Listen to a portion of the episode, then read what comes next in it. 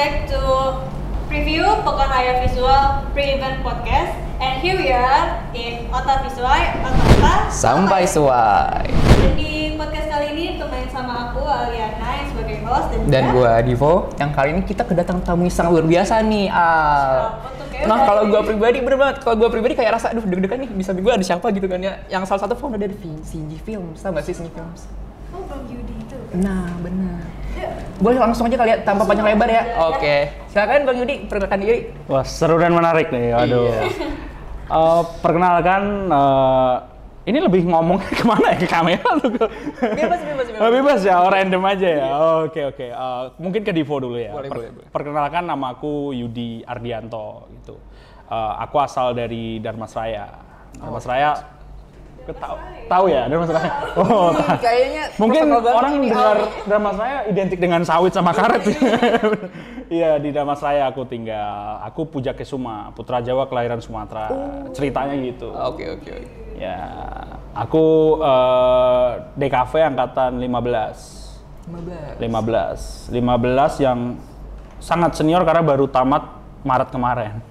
Tahun ini. Tahun ini, Mari. 13 semester lah. Sibuk kerja sih Bang ya? Eh, enggak juga sih, mantap. karena mager lah, mager gitu sih. Palingan itu aja sih perkenalan tipis-tipis gitu aja. Oh, oke, siap, siap. Mungkin boleh ada yang tanyain yang lain. Banget Iya, bener banget. Oh, Oke oke. Kita lanjut aja nih Boleh, boleh, Tema boleh. podcast kita kali ini apa sih? Bener banget.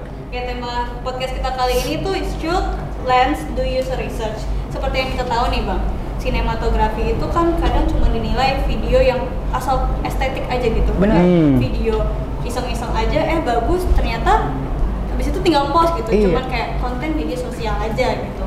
Padahal kan sebagai sinematografer sendiri buat abang itu, itu kan melakukan tahapan dan proses gitu ya bang ya Hmm benar. agar benar. bisa dikomersialkan. Hmm. Setuju. Kan? Nah kalau menurut abang sendiri nih sebagai sinematografer perlu nggak sih user research ini buat sinematografi? Eh, kalau bicara soal eh, ngetek video ya, tadi kan eh, lebih ke rekam aja nih Iya. videonya, direkam doang nih Iya, tanpa ada ada Story-story storyboard segala macem lah gitu kan. Ya bisa aja sih. Itu lebih ke palingan larinya lebih ke beauty shoot gitu. Eh, beauty shoot doang, memang random. Biasanya kan kalau itu terjadi itu kayak street fotografi itu, street videografi. Mereka ngambil eh, dokumentari ke pasar-pasar itu kan, itu kan random nggak mungkin kan ibu-ibu Iya, yang bener-bener. yang lagi ngaduk cabe itu kita suruh, Kita suruh ya gitu. Palingan lebih ke seperti itu sih. Video-video yang diambil secara random gitu. Kalau yang eh, secara di direct atau diarahkan ya pastinya ada tahapan-tahapannya dong. Kayak mulai dari eh, praproduksi, terus produksi sampai post produksinya pasti ada itu. I see. Tergantung kebutuhan juga ya. Mm, Bang, ya? dan ke- dan untuk beauty shoot itu sendiri lebih ke single fighter biasanya. Single factor. Oh. Jadi pergi aja nih pakai tas udah pergi seliwaran ngambil-ngambil footage random nanti dijadikan tuh sebuah konten dokumen documentary gitu. I see.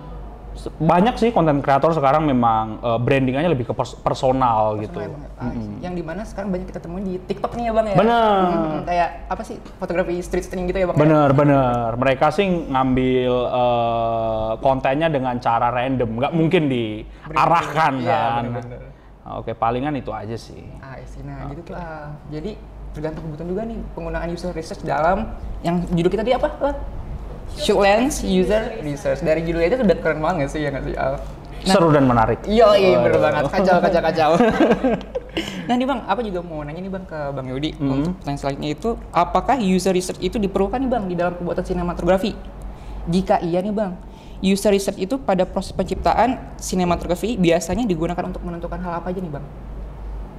Hmm, ini menentukan halnya itu maksudnya bebas atau gimana? Iya, dalam pembuatan sinematografinya. Oh, pembuatan. Oh, coba di apa lagi deh? Diulang lagi. Iya kayaknya Oh, iya, agak, apa-apa. agak panjang banget ya Siap, gitu. siap, siap.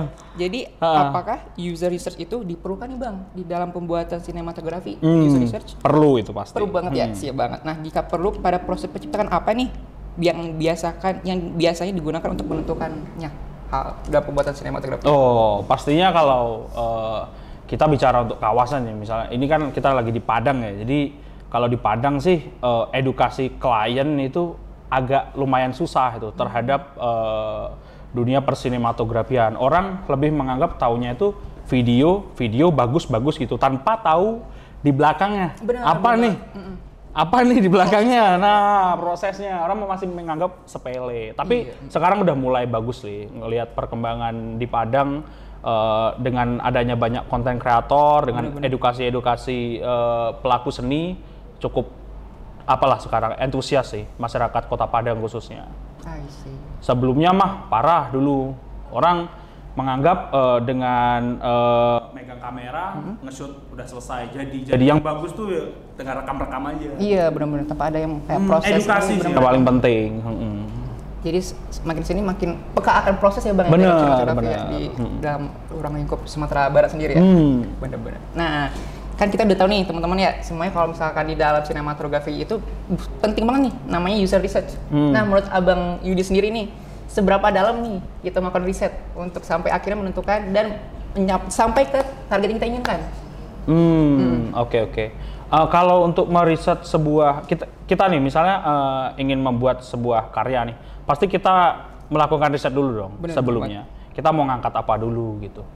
Kita, kit- bahkan untuk komersial pun pasti kita menguak dulu kan eh, itu produknya ke mana-kemana dulu. Terus kita mikirkan juga psikologi eh, konsumen nanti penonton gimana mau melihat karya kita itu. Jangan sampai nanti eh, salah jomplang. Misalnya kayak kita nih bikin eh, iklan, iklannya produknya kasur nih, umpamanya kasur. Tapi eh, tapi kita nggak mikirin psikologi si eh, Target audiensnya gitu. setuju. Hmm, aku ke- pernah hampir blunder kemarin bikin iklan eh, printer ya, printer. Jadi eh, karena ini ada dialog pegawai cewek dan dan bosnya. Jadi psikologi eh, konsumen melihatnya, tapi ini karena klien kan, aku yang ikut aja. Tapi psikologi klien itu melihat itu seperti malah kayak ya tanda kutip skandal gitu iklannya gitu loh. Jadi kayak cukup cukup apa juga ya jadi ya.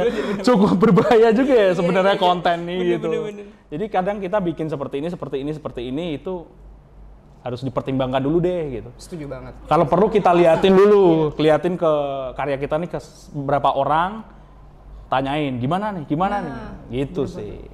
main blown nggak sih Al kayak perlu apa ya kayak di situ penting banget ya bang pembuatan sebuah komersil di Oh, sebuah pasti dong. Hmm. yang di mana biar nggak terjadi lagi nih hal yang blunder yang kayak gitu tadi Berbahaya itu. bener banget Nah. jadi miskonsepsi nggak sih bang jadinya Eh, itu karena kemauan klien. Jadi Ah. jadi mau gimana kita sudah mengedukasi. Tapi aku udah ngomong sih di awal, ini bukannya nanti akan seperti sinetron gitu. Iya, iya, Tapi cuman sinetron aja, aku perhalus bahasanya. Setelah itu diupload di YouTube, komenan netizen datang nih. Jadinya kok gini ya? Waduh, aku yang kena kan. Nah, Tapi sih eh, kliennya udah aku kasih rambu-rambu dulu udah paham sih. Oh, udah ngerti. Sebenarnya sih lebih ke gimana ya? Komunikasi, sih Komunikasi, sebenarnya setuju paling Berarti itu aja. misalnya abang udah dikasih itu kan abang udah ngikutin arah dan arahan dari klien nih. Benar. Jadi abang ngasih rambu-rambu juga apa yang disuruh dari klien ini. Hmm, Jadi benar-benar. biar nggak hasilnya tetap sesuai, cuman eh, nggak kontroversial gitu loh di Yes, benar. Hmm. Oke. Setelah di up, di AdSense ma- mereka iklankan, nah, menjadi kontroversi. Iya. itu cukup berbahaya juga ya. edukasi itu sangat penting ya Bang, ya. Hmm. Penting sih. Terus eh, aku mau nanya nih, kan eh, kata abang user research tuh penting kan? Hmm. Beauty shot kan. Hmm. Nah kalau misalnya menurut abang nih eh, pencarian data user research buat sinematografi ini tuh ada perbedaannya nggak sih dengan eh, apa yang lain gitu? Hmm, maksudnya dengan uh, shoot beauty shoot tadi ya? Iya ada perbedaan. Oh pasti banyak dong. Ka- eh, karena kalau beauty shoot tadi udah aku sampaikan sebelumnya kan lebih ke single fighter ya. Biasanya Iya. mayoritas beauty shoot tuh lebih ke pelakunya tuh single fighter. Memang video traveler mengambil sesuatu yang random tanpa ada ada arahan di direct gitu. Tapi kalau memang user research kan pasti kita akan membentuk tim di situ tuh. Heeh. semuanya semuanya pasti akan eh, punya tugas masing-masing gitu. Gitu. Bener pasti sih. Jadi eh, kalau di Jakarta ya eh, kita lihat tuh iklan-iklan TVC yang durasinya 15 detik. 30 detik maksimal itu krunya udah ratusan orang gitu. Iya. Bener. Sebanyak itu sebanyak itu banyak Dari banget. durasi film yang 15 detik itu ah, ratusan orang di balik. ratusan orang. Itu banyak juga di dalamnya. Ada art prop, juga ada banyak banget itu helper bahkan dihitung kan semua konsumsi itu udah sampai ratusan lah itu talent semuanya Astrada yang edit juga yang editing juga terbagi lagi itu banyak sih pasti Terbagi dari berbagai macam divisi ya bang. Hmm, ya? dan 15 detik jadi Dan 15 detik konversi itu lainnya. Di 15 baliknya ada detik ratusan orang. ratusan orang di Karena belakang kirain kayak video dikit, membernya Iya, cuma dikit aja bener-bener. gitu. Kayak, ah videonya singkat, berarti krunya singkat aja gitu, dikit-dikit aja. Eh, terus juga Mind blown sih. ya kirain ya oh iya kalau aku mau nanya nih bang kalau misalnya kan eh, bilang ada kru krunya Hmm, gitu benar. nah kalau misalnya abang tuh kalau misalnya kan ada yang beauty shot itu kan single fighter kan abang tuh Hmm. kalau mencari modelnya gimana sih ini agak Oh, out konteks cari modelnya Nah, Iya, mencari boleh nih, model kadang Al. kan model kan ada macam-macamnya nih Mm-mm. kalau misalnya abang nih kalau single fighter ini kayak mencari suatu model yang ingin dijepret tuh gimana sih? Oh, ini lebih ke eh, jadinya mengulik masa lalu nih kalau bicara. Jadi kalau bicara treatmentku ada sendiri. Eh, pernah aku ya pergi ngiseng aja kan, pergi jalan gitu, nge-street. Nah, ketemu eh, objek yang cukup cantik lah. Ya udah, aku tanyakan, mau nggak jadi objek aku buat aku potret gitu. Ya kalau tertak gimana? Biasanya ada yang nolak gitu nggak sih? Ada dong, pasti dong. ada dong. Itu pahitnya sih ada gitu, pasti. Nah, mulai dari itu, itu secara door to door ya, langsung kan. Nah, jadi jadi eh, mengalami penolakan sering, terus eh, bahkan yang sampai gimana ya? Eh, karena dari eh, door to door tadi si objek yang aku foto ini modelnya malah jadi klien aku, klien klien priwet ya itu yang gokil ya. Memang rezeki ini kan memang random ke mana ya, ya, Bang, benar. Ya? Bener, bener. Lebih lebih keren seperti itu sih. Ha, Terus eh, by eh, platform yang masih bagus sekarang kan dipakai kan Instagram ya buat buat eh, showing ke- karya lah, eh, foto atau video. Jadi ya melalui DM by DM. Tapi nggak mungkin dong kita DM by DM tan- tanpa ada karya dulu kan. Iya, Pasti si si model bertanya mau bikin apa nih gitu. Pasti pastinya. portofolio dulu ya, Hmm, ya? portofolio itu penting di situ jadi mulai adalah hubungan-hubungan dari collab-collab terus mulut ke mulut ya udahlah terjadilah sampai sekarang Wow, keren banget. kalau cerita se- sedikit cerita sih sebenarnya eh, aku ini bukan bukan eh, orang yang eh, dulunya masuk DKV ini memang karena foto atau video memang gambar dulu sih basicnya rata-rata ya bang ya. Wah, Masuk BKW itu itu karena suka gambar. gambar. Gambar Terus ya. aku eh, itu lebih mendalami ilustrasi. Itu dulu di tahun-tahun 2015 itu WPAP. Pernah dengar nggak WPAP? Ah, kalian Iya, aja nggak iya, denger iya. kan Iya, WPAP? denger ya, iya. Weda Pop Art Portrait itu namanya. Jadi foto yang di kolase itu yang warna-warni. Oh, oh, iya. aku itu itu legend banget sih itu. Nah, itu memang karya orang Indonesia kan. Tapi pada tahun 2015 tuh dulu anak-anak DKP berlomba-lomba bikin WPAP. gitu. Aku dulu ya berkecimpung di itulah ilustrasi. Setelah tahu realistis karena Realistis. cuannya ya kita bicara soal cuan nih. Nah, kurang ya udah aku terjun di foto, coba-coba foto-foto mulai dari job eh, job-job inisiatif, fake project nih. Pro- produk nih kita shoot-shoot aja, shoot-shoot, belajar lah dari situ. Nah, mulai mulai mulai mulai dikenal udah sampai sekarang. Tahapannya sih panjang kalau dijelasin itu. Mm. Sampai terwujudlah Shinji Films yang kita kenal. Wah ya begitulah, yang usianya baru 2 tahun. 2 tahun. 2 tahun. Juga ya. Iya. Kalau ngeliat Instagramnya udah lumayan rame juga. Bener. Banyak banget itu. 2 Dan tahun. kualitas itu kayak kualitas udah nggak eceng-eceng gitu. Udah Waduh, jangan gitu dong. Fancy itu kalau aku pribadi kayak gitu tuh kayak pasti Jepang banget. Nah, pengen nanya nih, mungkin Al bisa nanya nih. Coba. Hmm, Iya, boleh. kan abang suka kayak orang tuh bikin uh, vibes vibes Jepang itu katanya harus ke Jepang nih bang. Tapi kan Oh. abang matahin fakta itu, kayak omongan itu enggak kok kalau misalnya mau ngambil shoot apa foto atau video yang ala ala Jepang ini juga bisa di Indonesia itu. Abang kalau misalnya nyari tempat tuh kayak gimana atau ada trik-triknya nggak sih biar ada hasil yang kayak Jepang gitu hasil video atau foto? Hmm, kalau jujur selama itu semua karya di Shinji Film tuh nggak ada yang shootnya di Jepang malah. Oh iya. Serius ah? beneran beneran Oke. emang nggak ada shootnya di Jepang dan itu shootnya eh, cuman eh, tempat-tempat hidden gem lah gitu orang bilangnya gitu. Hidden gem di Hah? ya, Bang, ya? Iya di Padang juga, di Jakarta juga tempat-tempat yang cukup otentik lah untuk aku Asian pernah vibes. lihat yang kayak apa yang tuh yang ramen-ramen itu yang kayak Jepang gitu loh bang. Itu Oh, oh, di itu Jakarta rah- ramen itu ya. Oh, iya, itu banget gitu. itu ramen itu memang eh, dia konsepnya sih eh, cakep sih ownernya dia bikin eh, venue-nya tuh memang ambience-nya memang kayak di pasar Jepang Tsukiji Market sih namanya kayak pasar ikan nelayan di Jepang memang bagus sih itu Hmm. Oke, aku lanjut deh. Nah, Makanya kayak boleh itu udah banget. banyak banget banget kayaknya. Pengen ngulik lagi nih sama Bang Yudi. boleh boleh boleh boleh Boleh ya Bang ya? Oh iya, siap siap. Gimana sih bang kalau misalnya proses pencarian data user research Hmm. ini sebagai uh, sinematografer? Hmm. Sendiri itu gimana sih prosesnya pencarian datanya tuh gimana? Yes. pencarian datanya pasti ya melalui eh, kita lihat dulu nih kita mau bikin karya apa ya misalnya eh, kita mau bikin karya ini nih kita dapat project nih projectnya dari eh, brand A brand A-nya ini brand A-nya ini produknya eh, kopi nah kopi kita pasti lihat dulu dong brandnya itu eh, targetingnya ke mana dulu ke kaum eh, eh, anak muda, kaum orang tua atau kaum anak-anak. Nah, dari situ kita nanti eh, kita kerucutin lagi nih.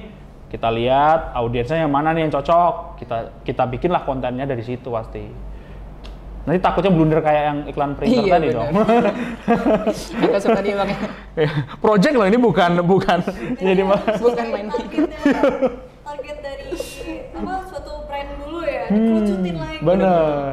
Berbahaya loh, karena yang printer itu memang eh, pegawai dialog dengan bosnya itu terjadi seperti skandal itu. Audiens apa kayak netizen mah memang berbahaya kalau Iya, ngomen sih. banget. ya. Apalagi netizen Indo ya Bang ya. Bener. Aduh.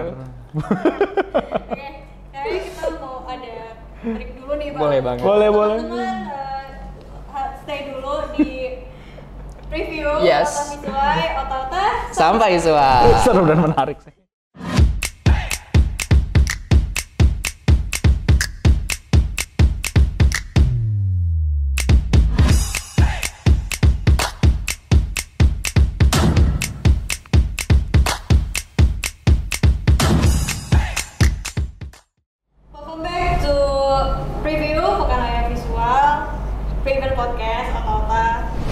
Sampai Sua. Makasih buat teman-teman yang udah nungguin break kita ya. Bener banget. Tetap stay di sini. Yoi. Dan kali ini aku juga mau ngasih tahu nih ke kalian kalau misalnya kita juga punya merchandise Official yang merchandise. lucu nih. Bener banget. Gimana sih cara pesen merchandise-nya Bang Diko? Nah, boleh banget nih buat teman-teman semua yang mungkin salvok sama official merchandise kita yang di belakang ini, teman-teman bisa langsung hubungin aja nih ke official Instagramnya PRV, yaitu at Pakanraya Visual. Bener banget. Nah, buat Bang Yudi, mungkin bisa lanjut lagi nih kita bincang-bincangnya.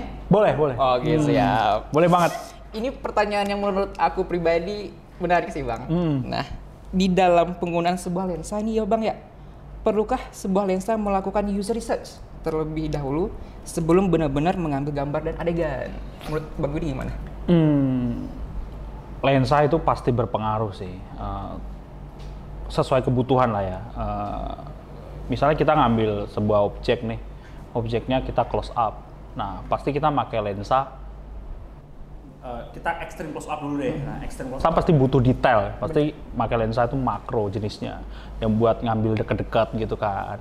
Terus kalau kita mau ngambil arsitektur nih, misalnya kita ngambil jam gadang lah gitu kan, biar kelihatan tuh Iya. puncaknya pasti kita pakai lensa wide gitu kan. Eh, lensa wide itu yang fokalnya pasti yang kecil gitu.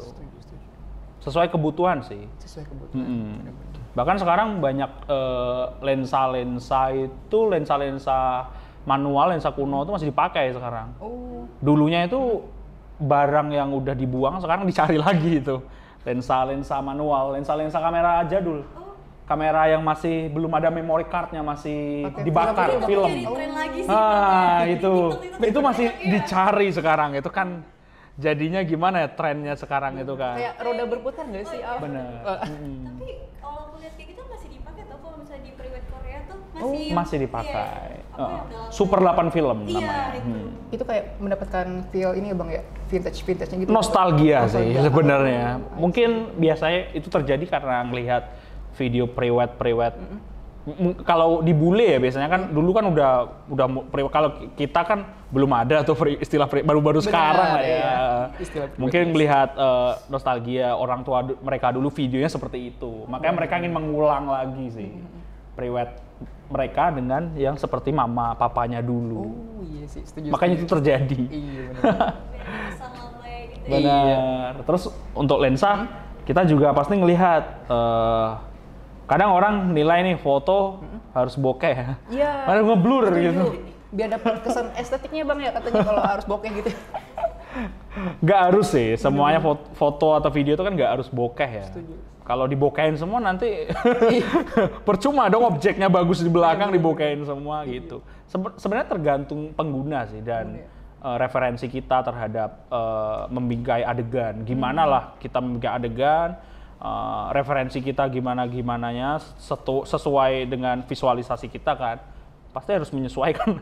Kalau itu sih nggak bisa dijelaskan karena itu treatment masing-masing ya pelaku seni itu Baik, baik. dalam penggunaan lensa gitu. Kalau ada yang suka yang orang hobinya cuman close up close up aja, videonya ada juga yang memang bermain di wide angle, berarti tergantung sama sinematografernya bang pelaku seni Pelaku lebih seninya. tepatnya Oh, semuanya itu pasti uh, foto, video, uh, juga pelaku seni, Bener-bener. pelukis juga itu juga berpengaruh. Ada juga uh, seniman yang suka gambar itu sampai detail-detail kan. iya Hmm, uh, detail. Orang lihat uh, satisfying lah lihat gambar yang tajam gitu kan. Iya. Ada juga yang memang orang ngambil video memang suka yang gambar yang tajam-tajam gitu. Ada suka, ada juga yang malah sukanya ngeblur lah.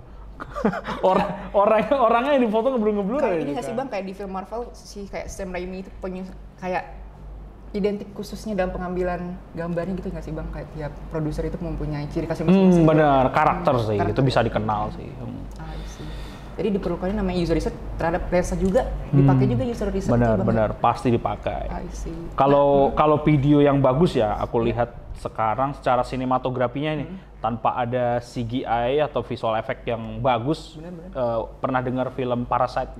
Parasite pernah pernah. Parasite. Gitu? Parasite. Parasite Film yang ya, Korea. Ya? Eh Korea ya? Yang memborong semua piala piala Oscar. Aku malah nonton yang anime. Nah, Parasite ya. itu cakep tuh. Dia di situ eh, hanya menggunakan satu orang editor. Jadi yang mengedit videonya sampai selesai hanya satu editor dan eh, produsernya itu namanya Bong Joon Ho. Dia orang Korea. Itu memborong semua piala Oscar kemarin. Gila. Parasite. Parasite dari Harus Korea. nonton sih Netflix Boleh itu. boleh. Soalnya Parasite. aku. Nggak ada efek, nggak ada CGI. Nggak ada. Cut to cut dan grading doang gitu. wow. Dari awal sampai akhir. Hmm. Terus nggak ada. Mematahkan film-film yang dengan efek-efek yang gila-gilaan itu sih. Dan dia menangin banyak piala. Penghargaan. Hmm. Gila sih, keren. karena kita Wow. di samping itu nggak bisa nggak bisa apa ya nggak bisa memungkiri ya eh, perkembangan zaman sih pastinya Bener-bener. misalnya kita contohkan kayak drone ya fenomena drone sekarang kan itu sebenarnya itu menghilangkan dua profesi orang itu satu pilot satu kameramen. Iya. kalau dulu itu harus pakai Iya. helikopter itu.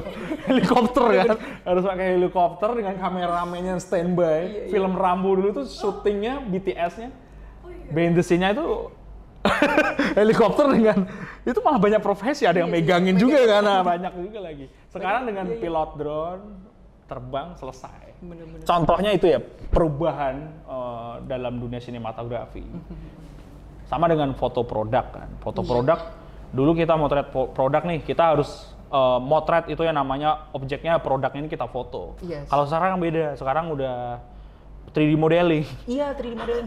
jadi modelnya ini udah animasi, foto ini udah nggak perlu difoto lagi terserah mau dikasih elemen air, petir, tanah, dilempar-lempar bisa dianimasi.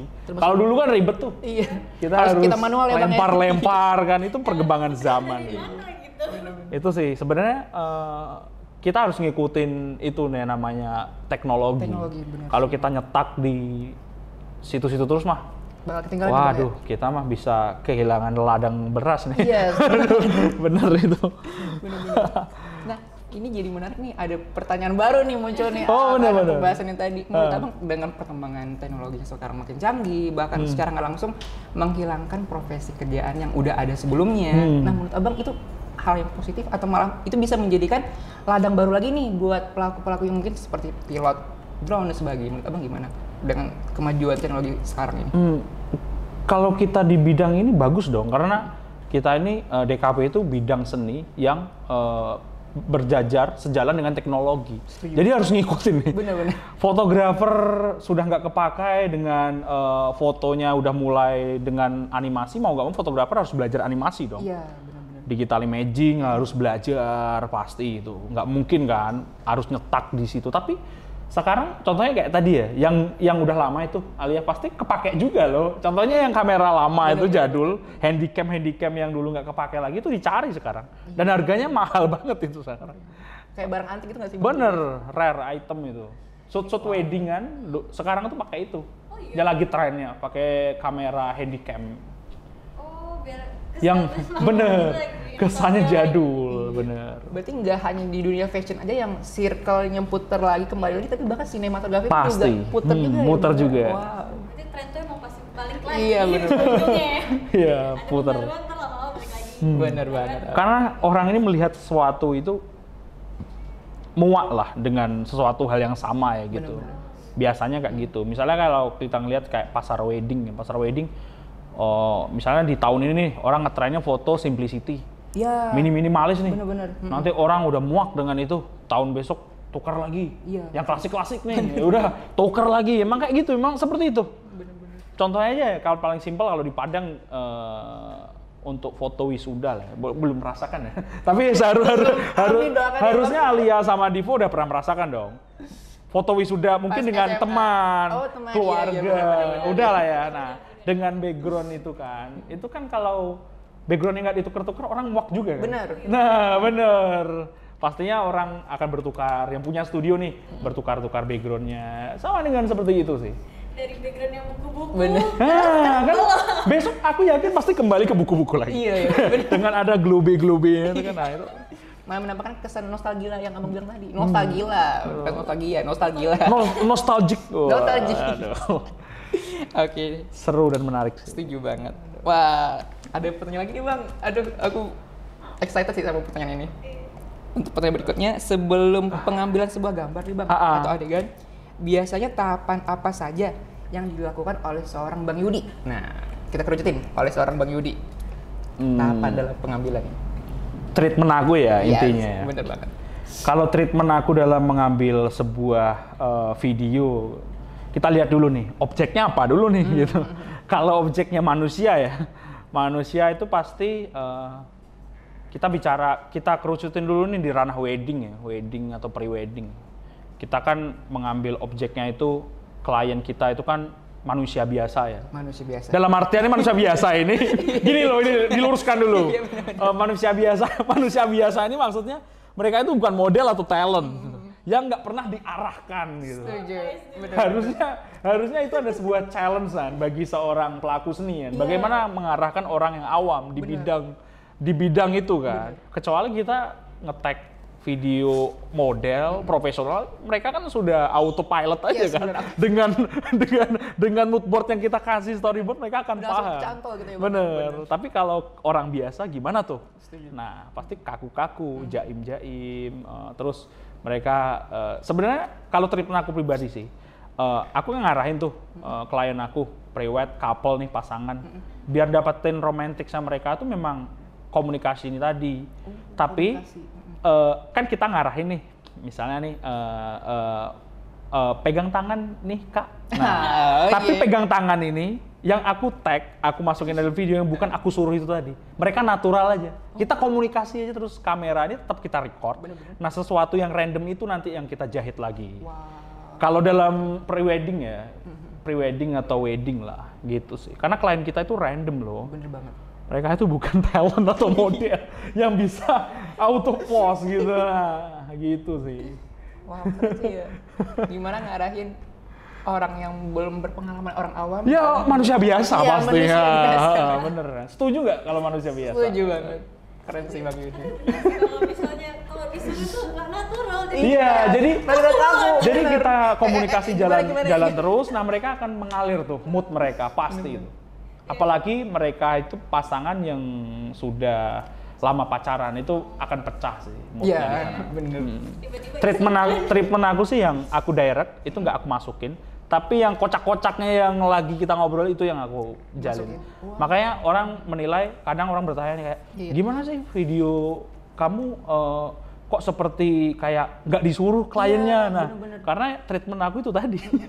Keren sih treatment. yang aku yang aku direct direct pasti kaku kayak kanebo. Iya. pasti kayak kanebo kaku itu beneran, beneran.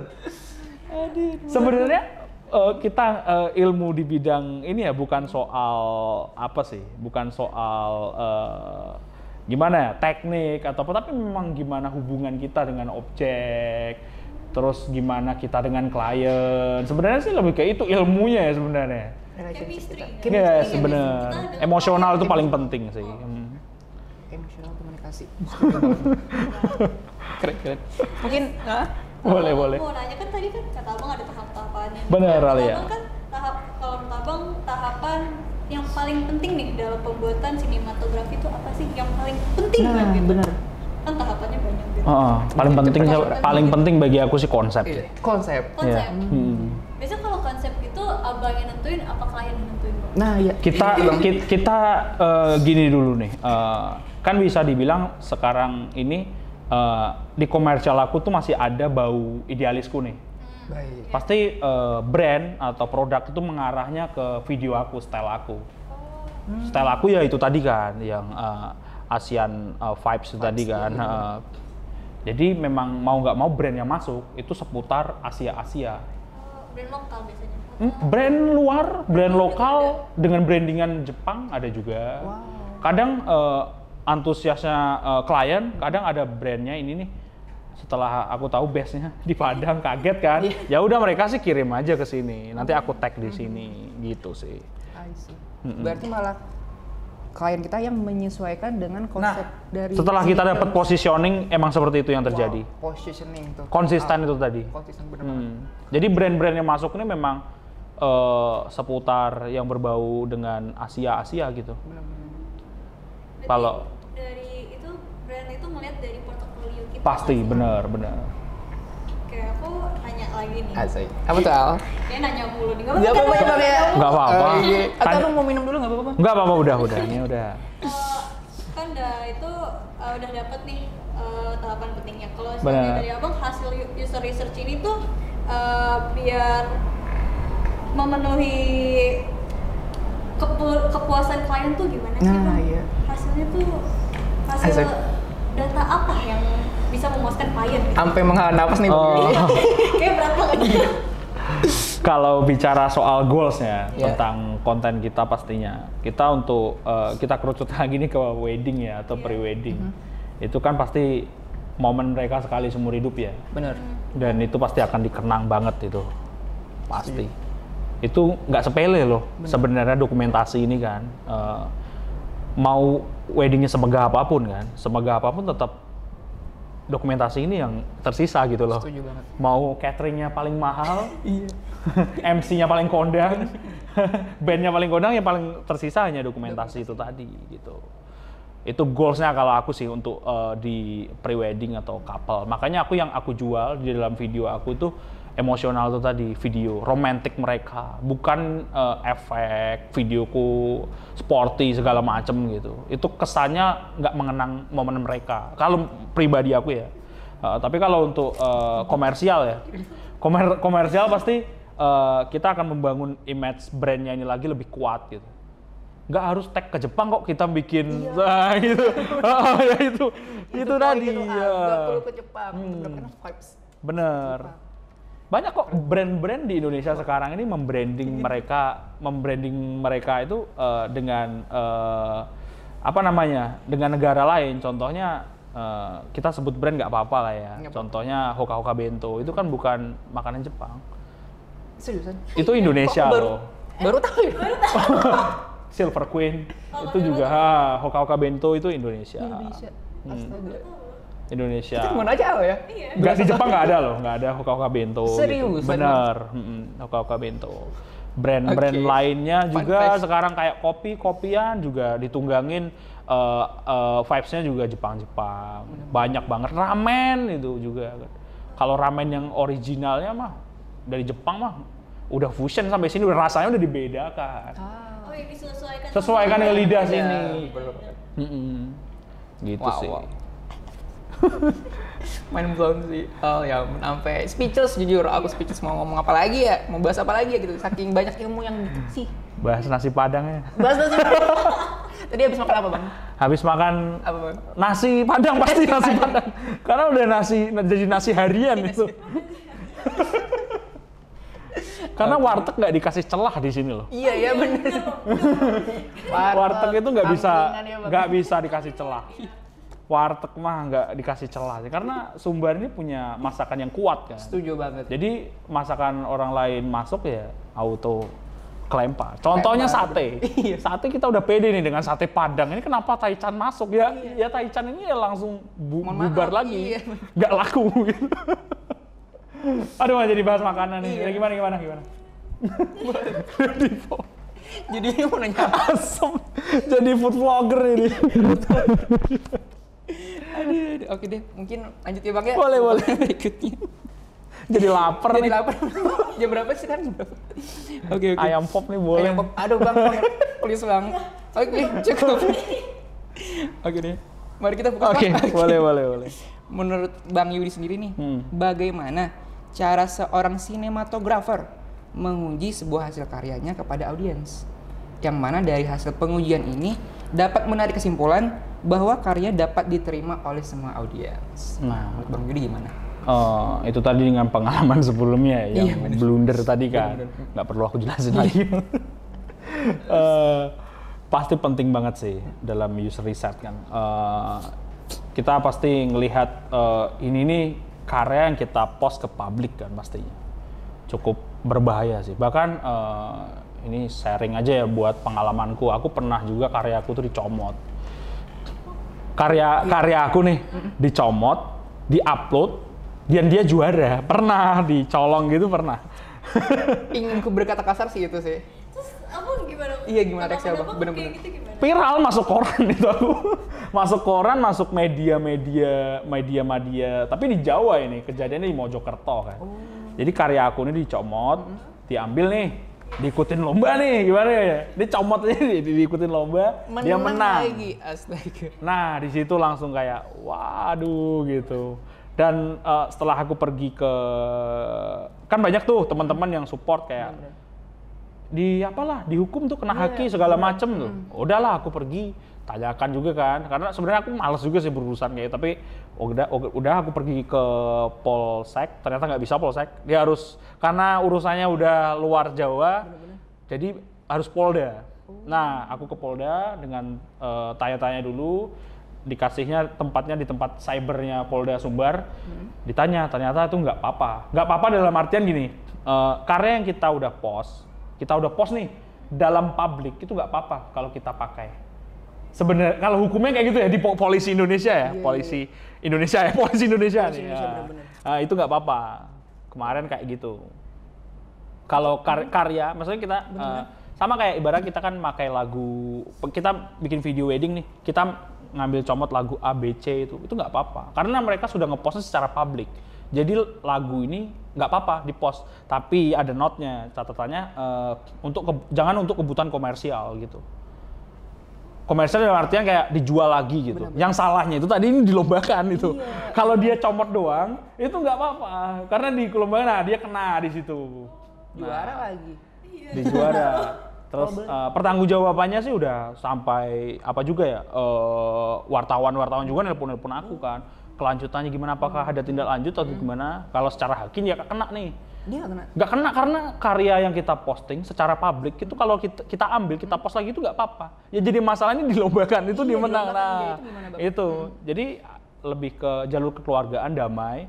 Ya tolong hadiah sama apa kembalikan lagi ke dan yang kacaunya ini yang ngadain eh, perlombaannya adalah Polda juga. Astaga. Polda Polda juga kepolisian juga. Jadi dia langsung nyemplung loh di situ. nggak perlu dicari lagi tinggal dijemput pertanggung jawabannya ya dia klarifikasi kan klarifikasi di poldanya sana klarifikasi hadiahnya dikembalikan bosan dikembalikan ada kok beritanya masih sekarang masih ada korannya masih aku simpen di kosan simpen. Oh, itu tahun berapa bang kejadiannya? Eh, kayak 2018 lah Oh, 2018. itu karya aku dicomot tuh itu cukup menggembarkan Iya juga sih. sih kemarin karena mempertanyakan soal haki itu gimana gimana jadi aku mulai tahu gitu.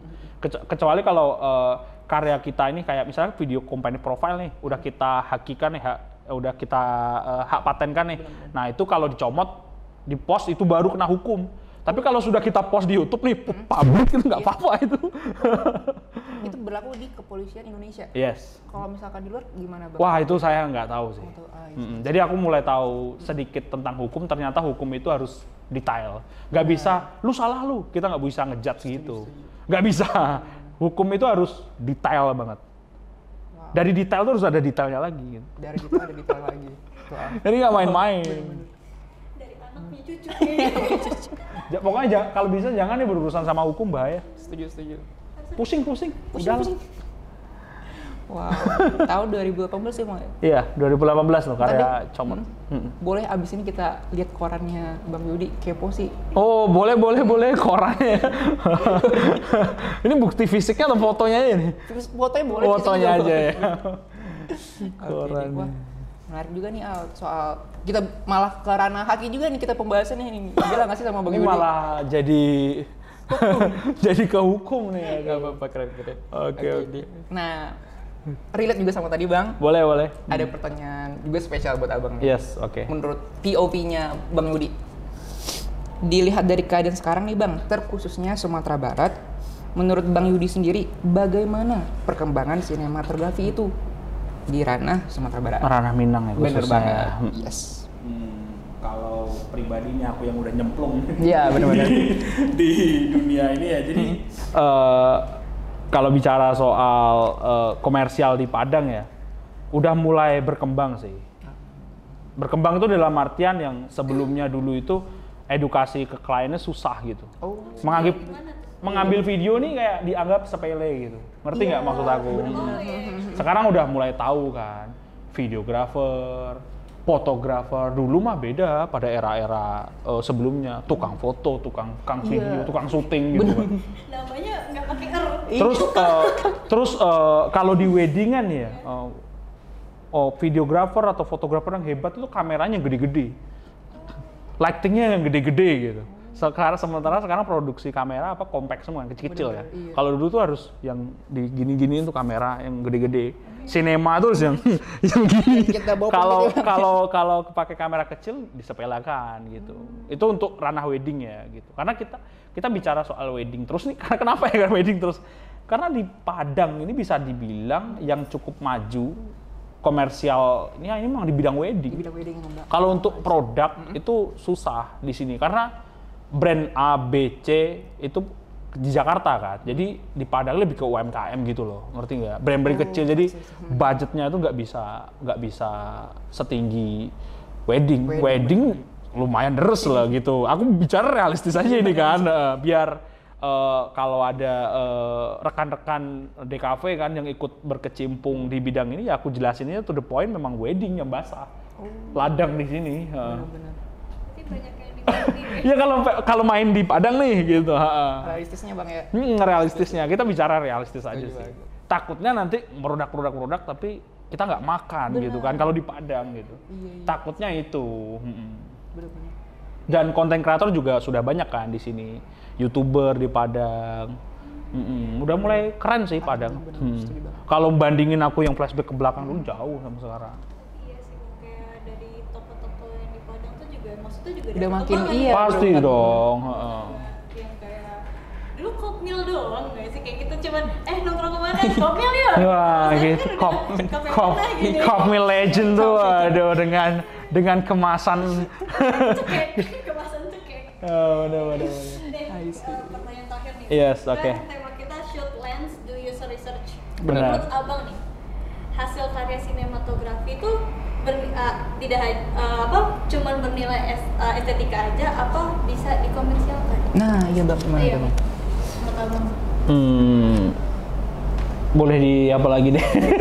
Menurut Bang Yudi, bahwa hasil karya sinematografi Ah. itu uh, hanya bernilai estetik aja atau uh, cuman sebuah penghasilan atau komersial aja? Eh, atau komersial?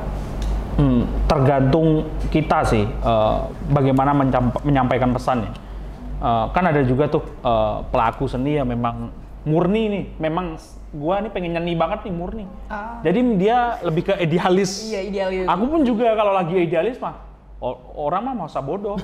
Ngelihatnya gini kayak lu yang lu bikin apa sih? Lu bikin tapi bagiku bagus gitu. Bagi orang lain kan tidak ternyata gitu idealis itu secara murni kan, murni memang estetik secara kita. Tapi kalau kita mentingin komers untuk komersial nih, Iya. sinema- sinematografi di bidang komersial pasti kita melihat kajiannya orang yang nonton, psikologi nanti orang membaca karya kita gimana. Itu banyak sih pertimbangan-pertimbangan yang harus di, dilakukan. Kalau enggak bisa blunder lagi nih. Setuju. Pentingnya sebuah riset. Itu bahaya sih. Bener banget. Wow. Gila sih. Bener gak main-main, aku udah karena di bidang ini ternyata kukira ini aku bikin eh, karya sinematografi ini bikin selesai bikin ternyata aku masuk ranah hukum. Ya kan? Ini masuk politik. Jadi kayak aduh. jadi ternyata ribet juga nih ternyata. Nah gitu. Kirain kerja pulang kerja pulang ternyata enggak Bener sih bang. Gak sedangkal itu ya. enggak sedangkal itu sih. Kacau sih ini. Banyak melibatkan aparat juga sih aduh pertanggungjawaban Setuju banget. Eh, bahaya ada pertanyaan juga nih bang. Eh, boleh, boleh. Tapi ini di luar ini ya bang ya. Oh, oke. Ini aku pribadi. Ha-ha. Banyak nih bang kayak stigma. Lebih tepatnya orang tua yang kayak pekerjaan anakmu apa? Eh, fotografer. Oh. Oh. tukang foto ya. Kayak gitu. Kayak mereka memandang seorang sinematografer, fotografer yang kayak oh oke gitu. Kecuali anaknya kerja apa? PNS. Wah, gila Nah. PNS. Padahal mohon maaf nih, secara kelas kan sinematografi, eh sinematografer, fotografer juga juga sekarang kan dilirik gitu loh, ya nggak sih bang? Bener banget. Hmm, itu sih gimana letak geografis kita sebenarnya ya. aku aku pun juga di keluarga aku nih ya, bukan ini di keluarga aku aja gitu kayak mapannya seseorang itu dilihat dari bajunya gitu. Oke. Itu mah sakit banget sih. Iya. Ini lagi ngumpul-ngumpul nih keluarga. Nah, pasti tuh kelihatan kan. Situ wah, si si A nih jadi ini, si B jadi ini. Lu jadi apa? Nolep doang gitu. Jadi kayak gimana ya? Itu sakit sih sebenarnya. Itu itu memang karena geografis kita yang eh, di sini masih sedangkan untuk jurusan aja ini ya, DKV ini masih terdengar asing weh Bagi Beberapa beberapa Oh, orang tua orang tua itu sangat sangat sangat dangkal banget dalam pengetahuannya soal bidang seni ini. DKV, grafis, oh digital printing ya. Orang mikirnya langsung ke situ Iya, ngejatnya. Bikin baliho gitu. Bikin spanduk, bikin bikin spanduk. padahal mau dandat ya bang ya. Offset nih, offset nih bikin digital printing nih. Wah, kacau nih aku. Aduh, sebenarnya kan di- ya oke lah. eh, DKV ini kan banyak ya. eh, penjurusannya segala macam kan di bidang ini masuk semua loh. Sekarang bahkan instansi pemerintahan, swasta itu membutuhkan banget Seorang desainer ya bang. Hmm, desainer. ya baliho-baliho politik. Aduh, sorry keceplosan. itu mohon butuh, maaf, teman-teman. butuh butuh desainer grafis juga tuh pasti. setuju setuju. Nah. Ya, kembali ke letak geografisnya kita ya bang ya. Benar. Dan Padang ini eh, lebih melebihi apa sih? Eh, lebih maju banget nih kalau untuk di Pulau Sumatera ya. Untuk di bidang wedding ya, Iya, iya. aku sangat bagus banget sih. Apresiasi. Bagus banget Padang ini memang bisa dibilang untuk Sum- untuk Sumatera ini ya.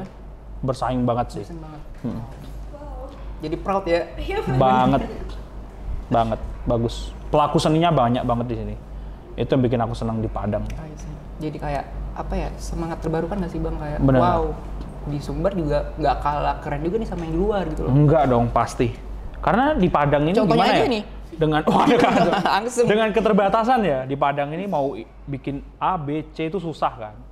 Tapi bisa dimaksimalkan gitu dengan skill kan. Kalau di Jakarta ya kan kita mau A, B, C, D itu bisa Iya. semuanya ada tuh. Semuanya bisa tuh. Mau datang ini nih, mau datang ini bisa tuh, bisa, bisa, bisa. Tapi kan mereka kan gimana ya eh, didukung dengan Fasilitasnya, Bang. finance itu tadi Bener kan banget. jadi enak kalau di Padang ini kreatif banget anak-anaknya Hmm. Dituntut kita untuk menjadi lebih kreatif nggak sih bang? parah cakep Kayak kontennya Bang Yudi. wah kacau lagi nih Di Ken- Padang bisa vibes-nya kayak Jepang banget. Kena roasting mulu banget. Bener ini muji beneran loh, gua nggak beres, nggak beres. Malah mungkin gitu kan ya kalau pas udah waktunya wedding nih atau prawen bisa nih ke Bang Yudi. Aduh. Itu yang yang hebat tuh bukan Shinji sih, tapi orang di dalam Shinji. Orang di dalam Karena pelaku seni banyak yang terlibat di Shinji film. Aku mah hanya pelaku, sebagian pelaku aja di situ.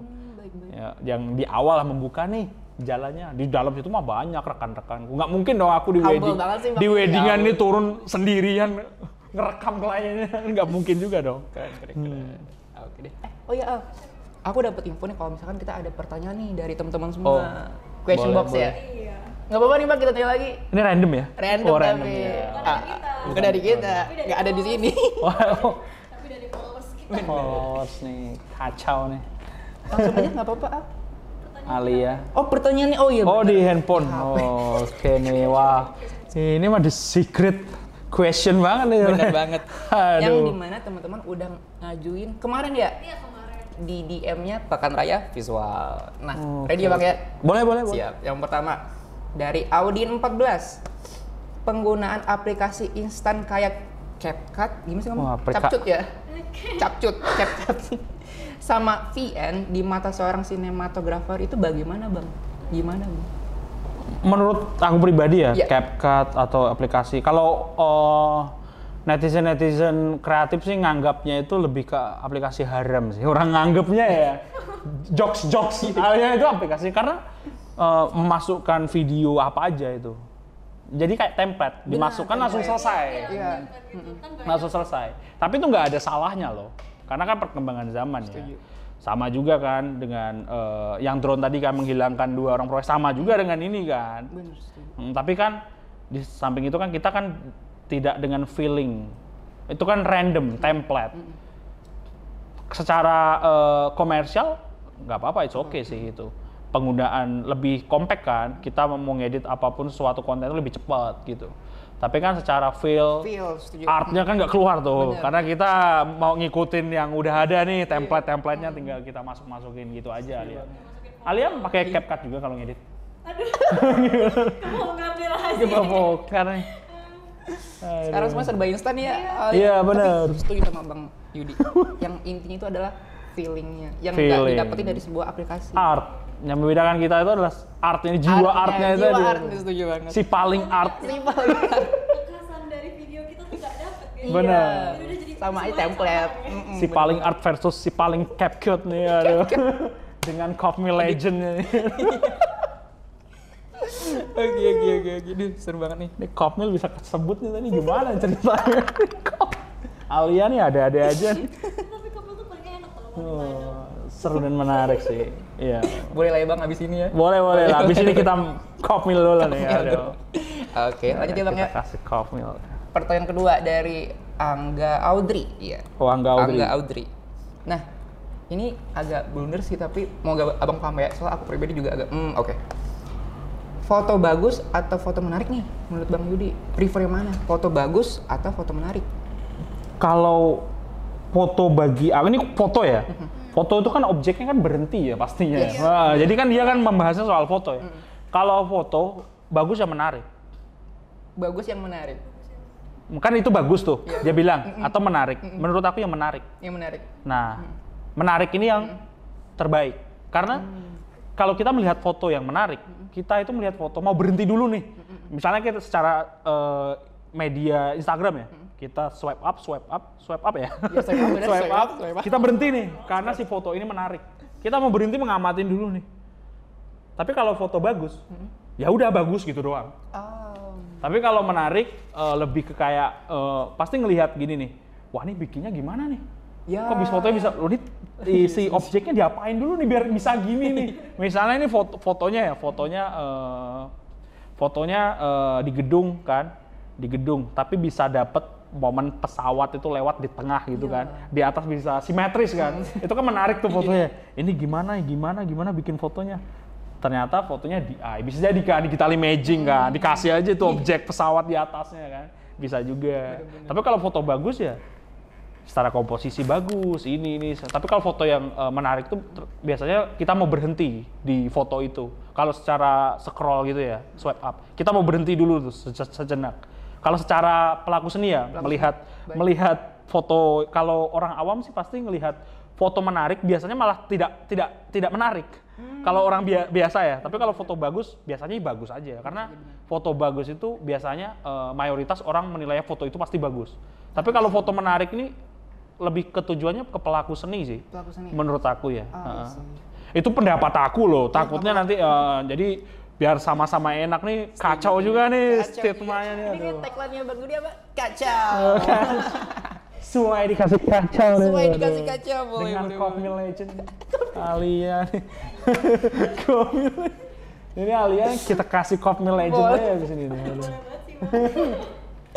Oke, Oke oke oke. Semoga menjawab ya pertanyaan dari Angga. Angga Udri ya? Iya, benar. Pertanyaannya itu cukup satir sih itu aku. Tapi untung dia ngomongnya foto. Kalau sinema sih agak bingung juga. Karena kan foto kan berhenti ya. Benar-benar. Hmm, kalau video pasti Objek yang cukup ya. menunggu kan, menunggu waktu sih. Perbedaannya palingan itu aja sih. Iya. Lebih ke durasi sih. Durasi ya, Bang ya. Benar-benar. Oke, Bang. Pertanyaan terakhir. Oke, Oke, boleh. siap. Dari poisoning your brain. Poisoning dot your brain. Wah, namanya susah juga ya.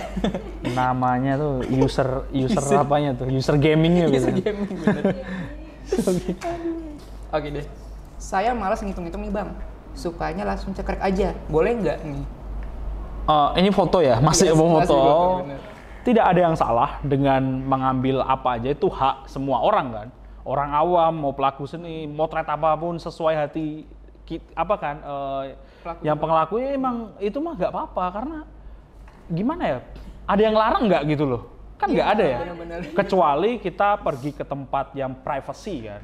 Kita motret objek tanpa izin kan.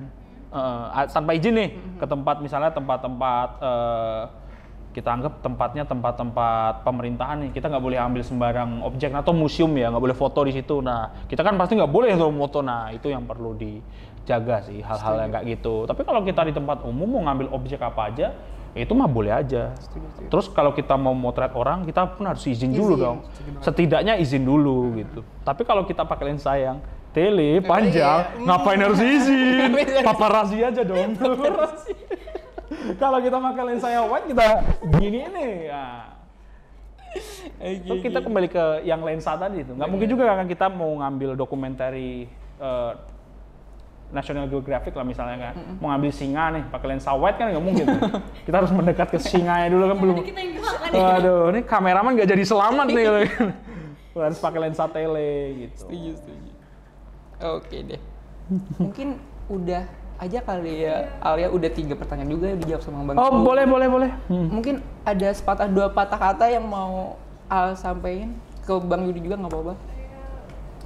Ya kita udah ngobrol banyak-banyak ya nih sama Bang Hmm, Yudi. bener kita banget. dapat ilmu banyak. gitu. Setuju. Bener-bener Wah, thank you. Insightful banget kan Bang. Thank you banget. Setuju Gua banget. malah bisa sharing-sharing di sini. Ini pengalaman perdana sih buat Wow. podcastan kayak gini. Wah, keren banget sih, Pervi sih kacau nih. Aduh. Kacau. Dengan kopmilnya nih. kopmilnya aja yang nggak ada. Kopmil. Mungkin boleh di next podcast ya. Kayaknya di next podcast kita intinya kokmil, eh kokmil aja. Kopmil legend tuh. Aduh. Oke oke. Berarti kesimpulan dari podcast ini tuh sebenarnya sebagai sinematografer itu tergantung kita nge-shootnya apa. Bisa, itu bisa dijadikan komersial atau bisa dijadikan beauty shot. Jadi nggak semuanya itu uh, menghasilkan cuan. Dan be- beberapa brand juga tuh masih melihat uh, tertarik dengan kita karena portofolio ya bang. Benar, benar. Oke, oke aku udah sampai di sini aja da- dari bang Diko yang mau Ya, disampaikan. gimana Divo Alia? Oke, kalau aku pribadi bisa ngambil kesimpulan kayak ternyata di dalam ranah sinematografi pun pentingnya sebuah riset.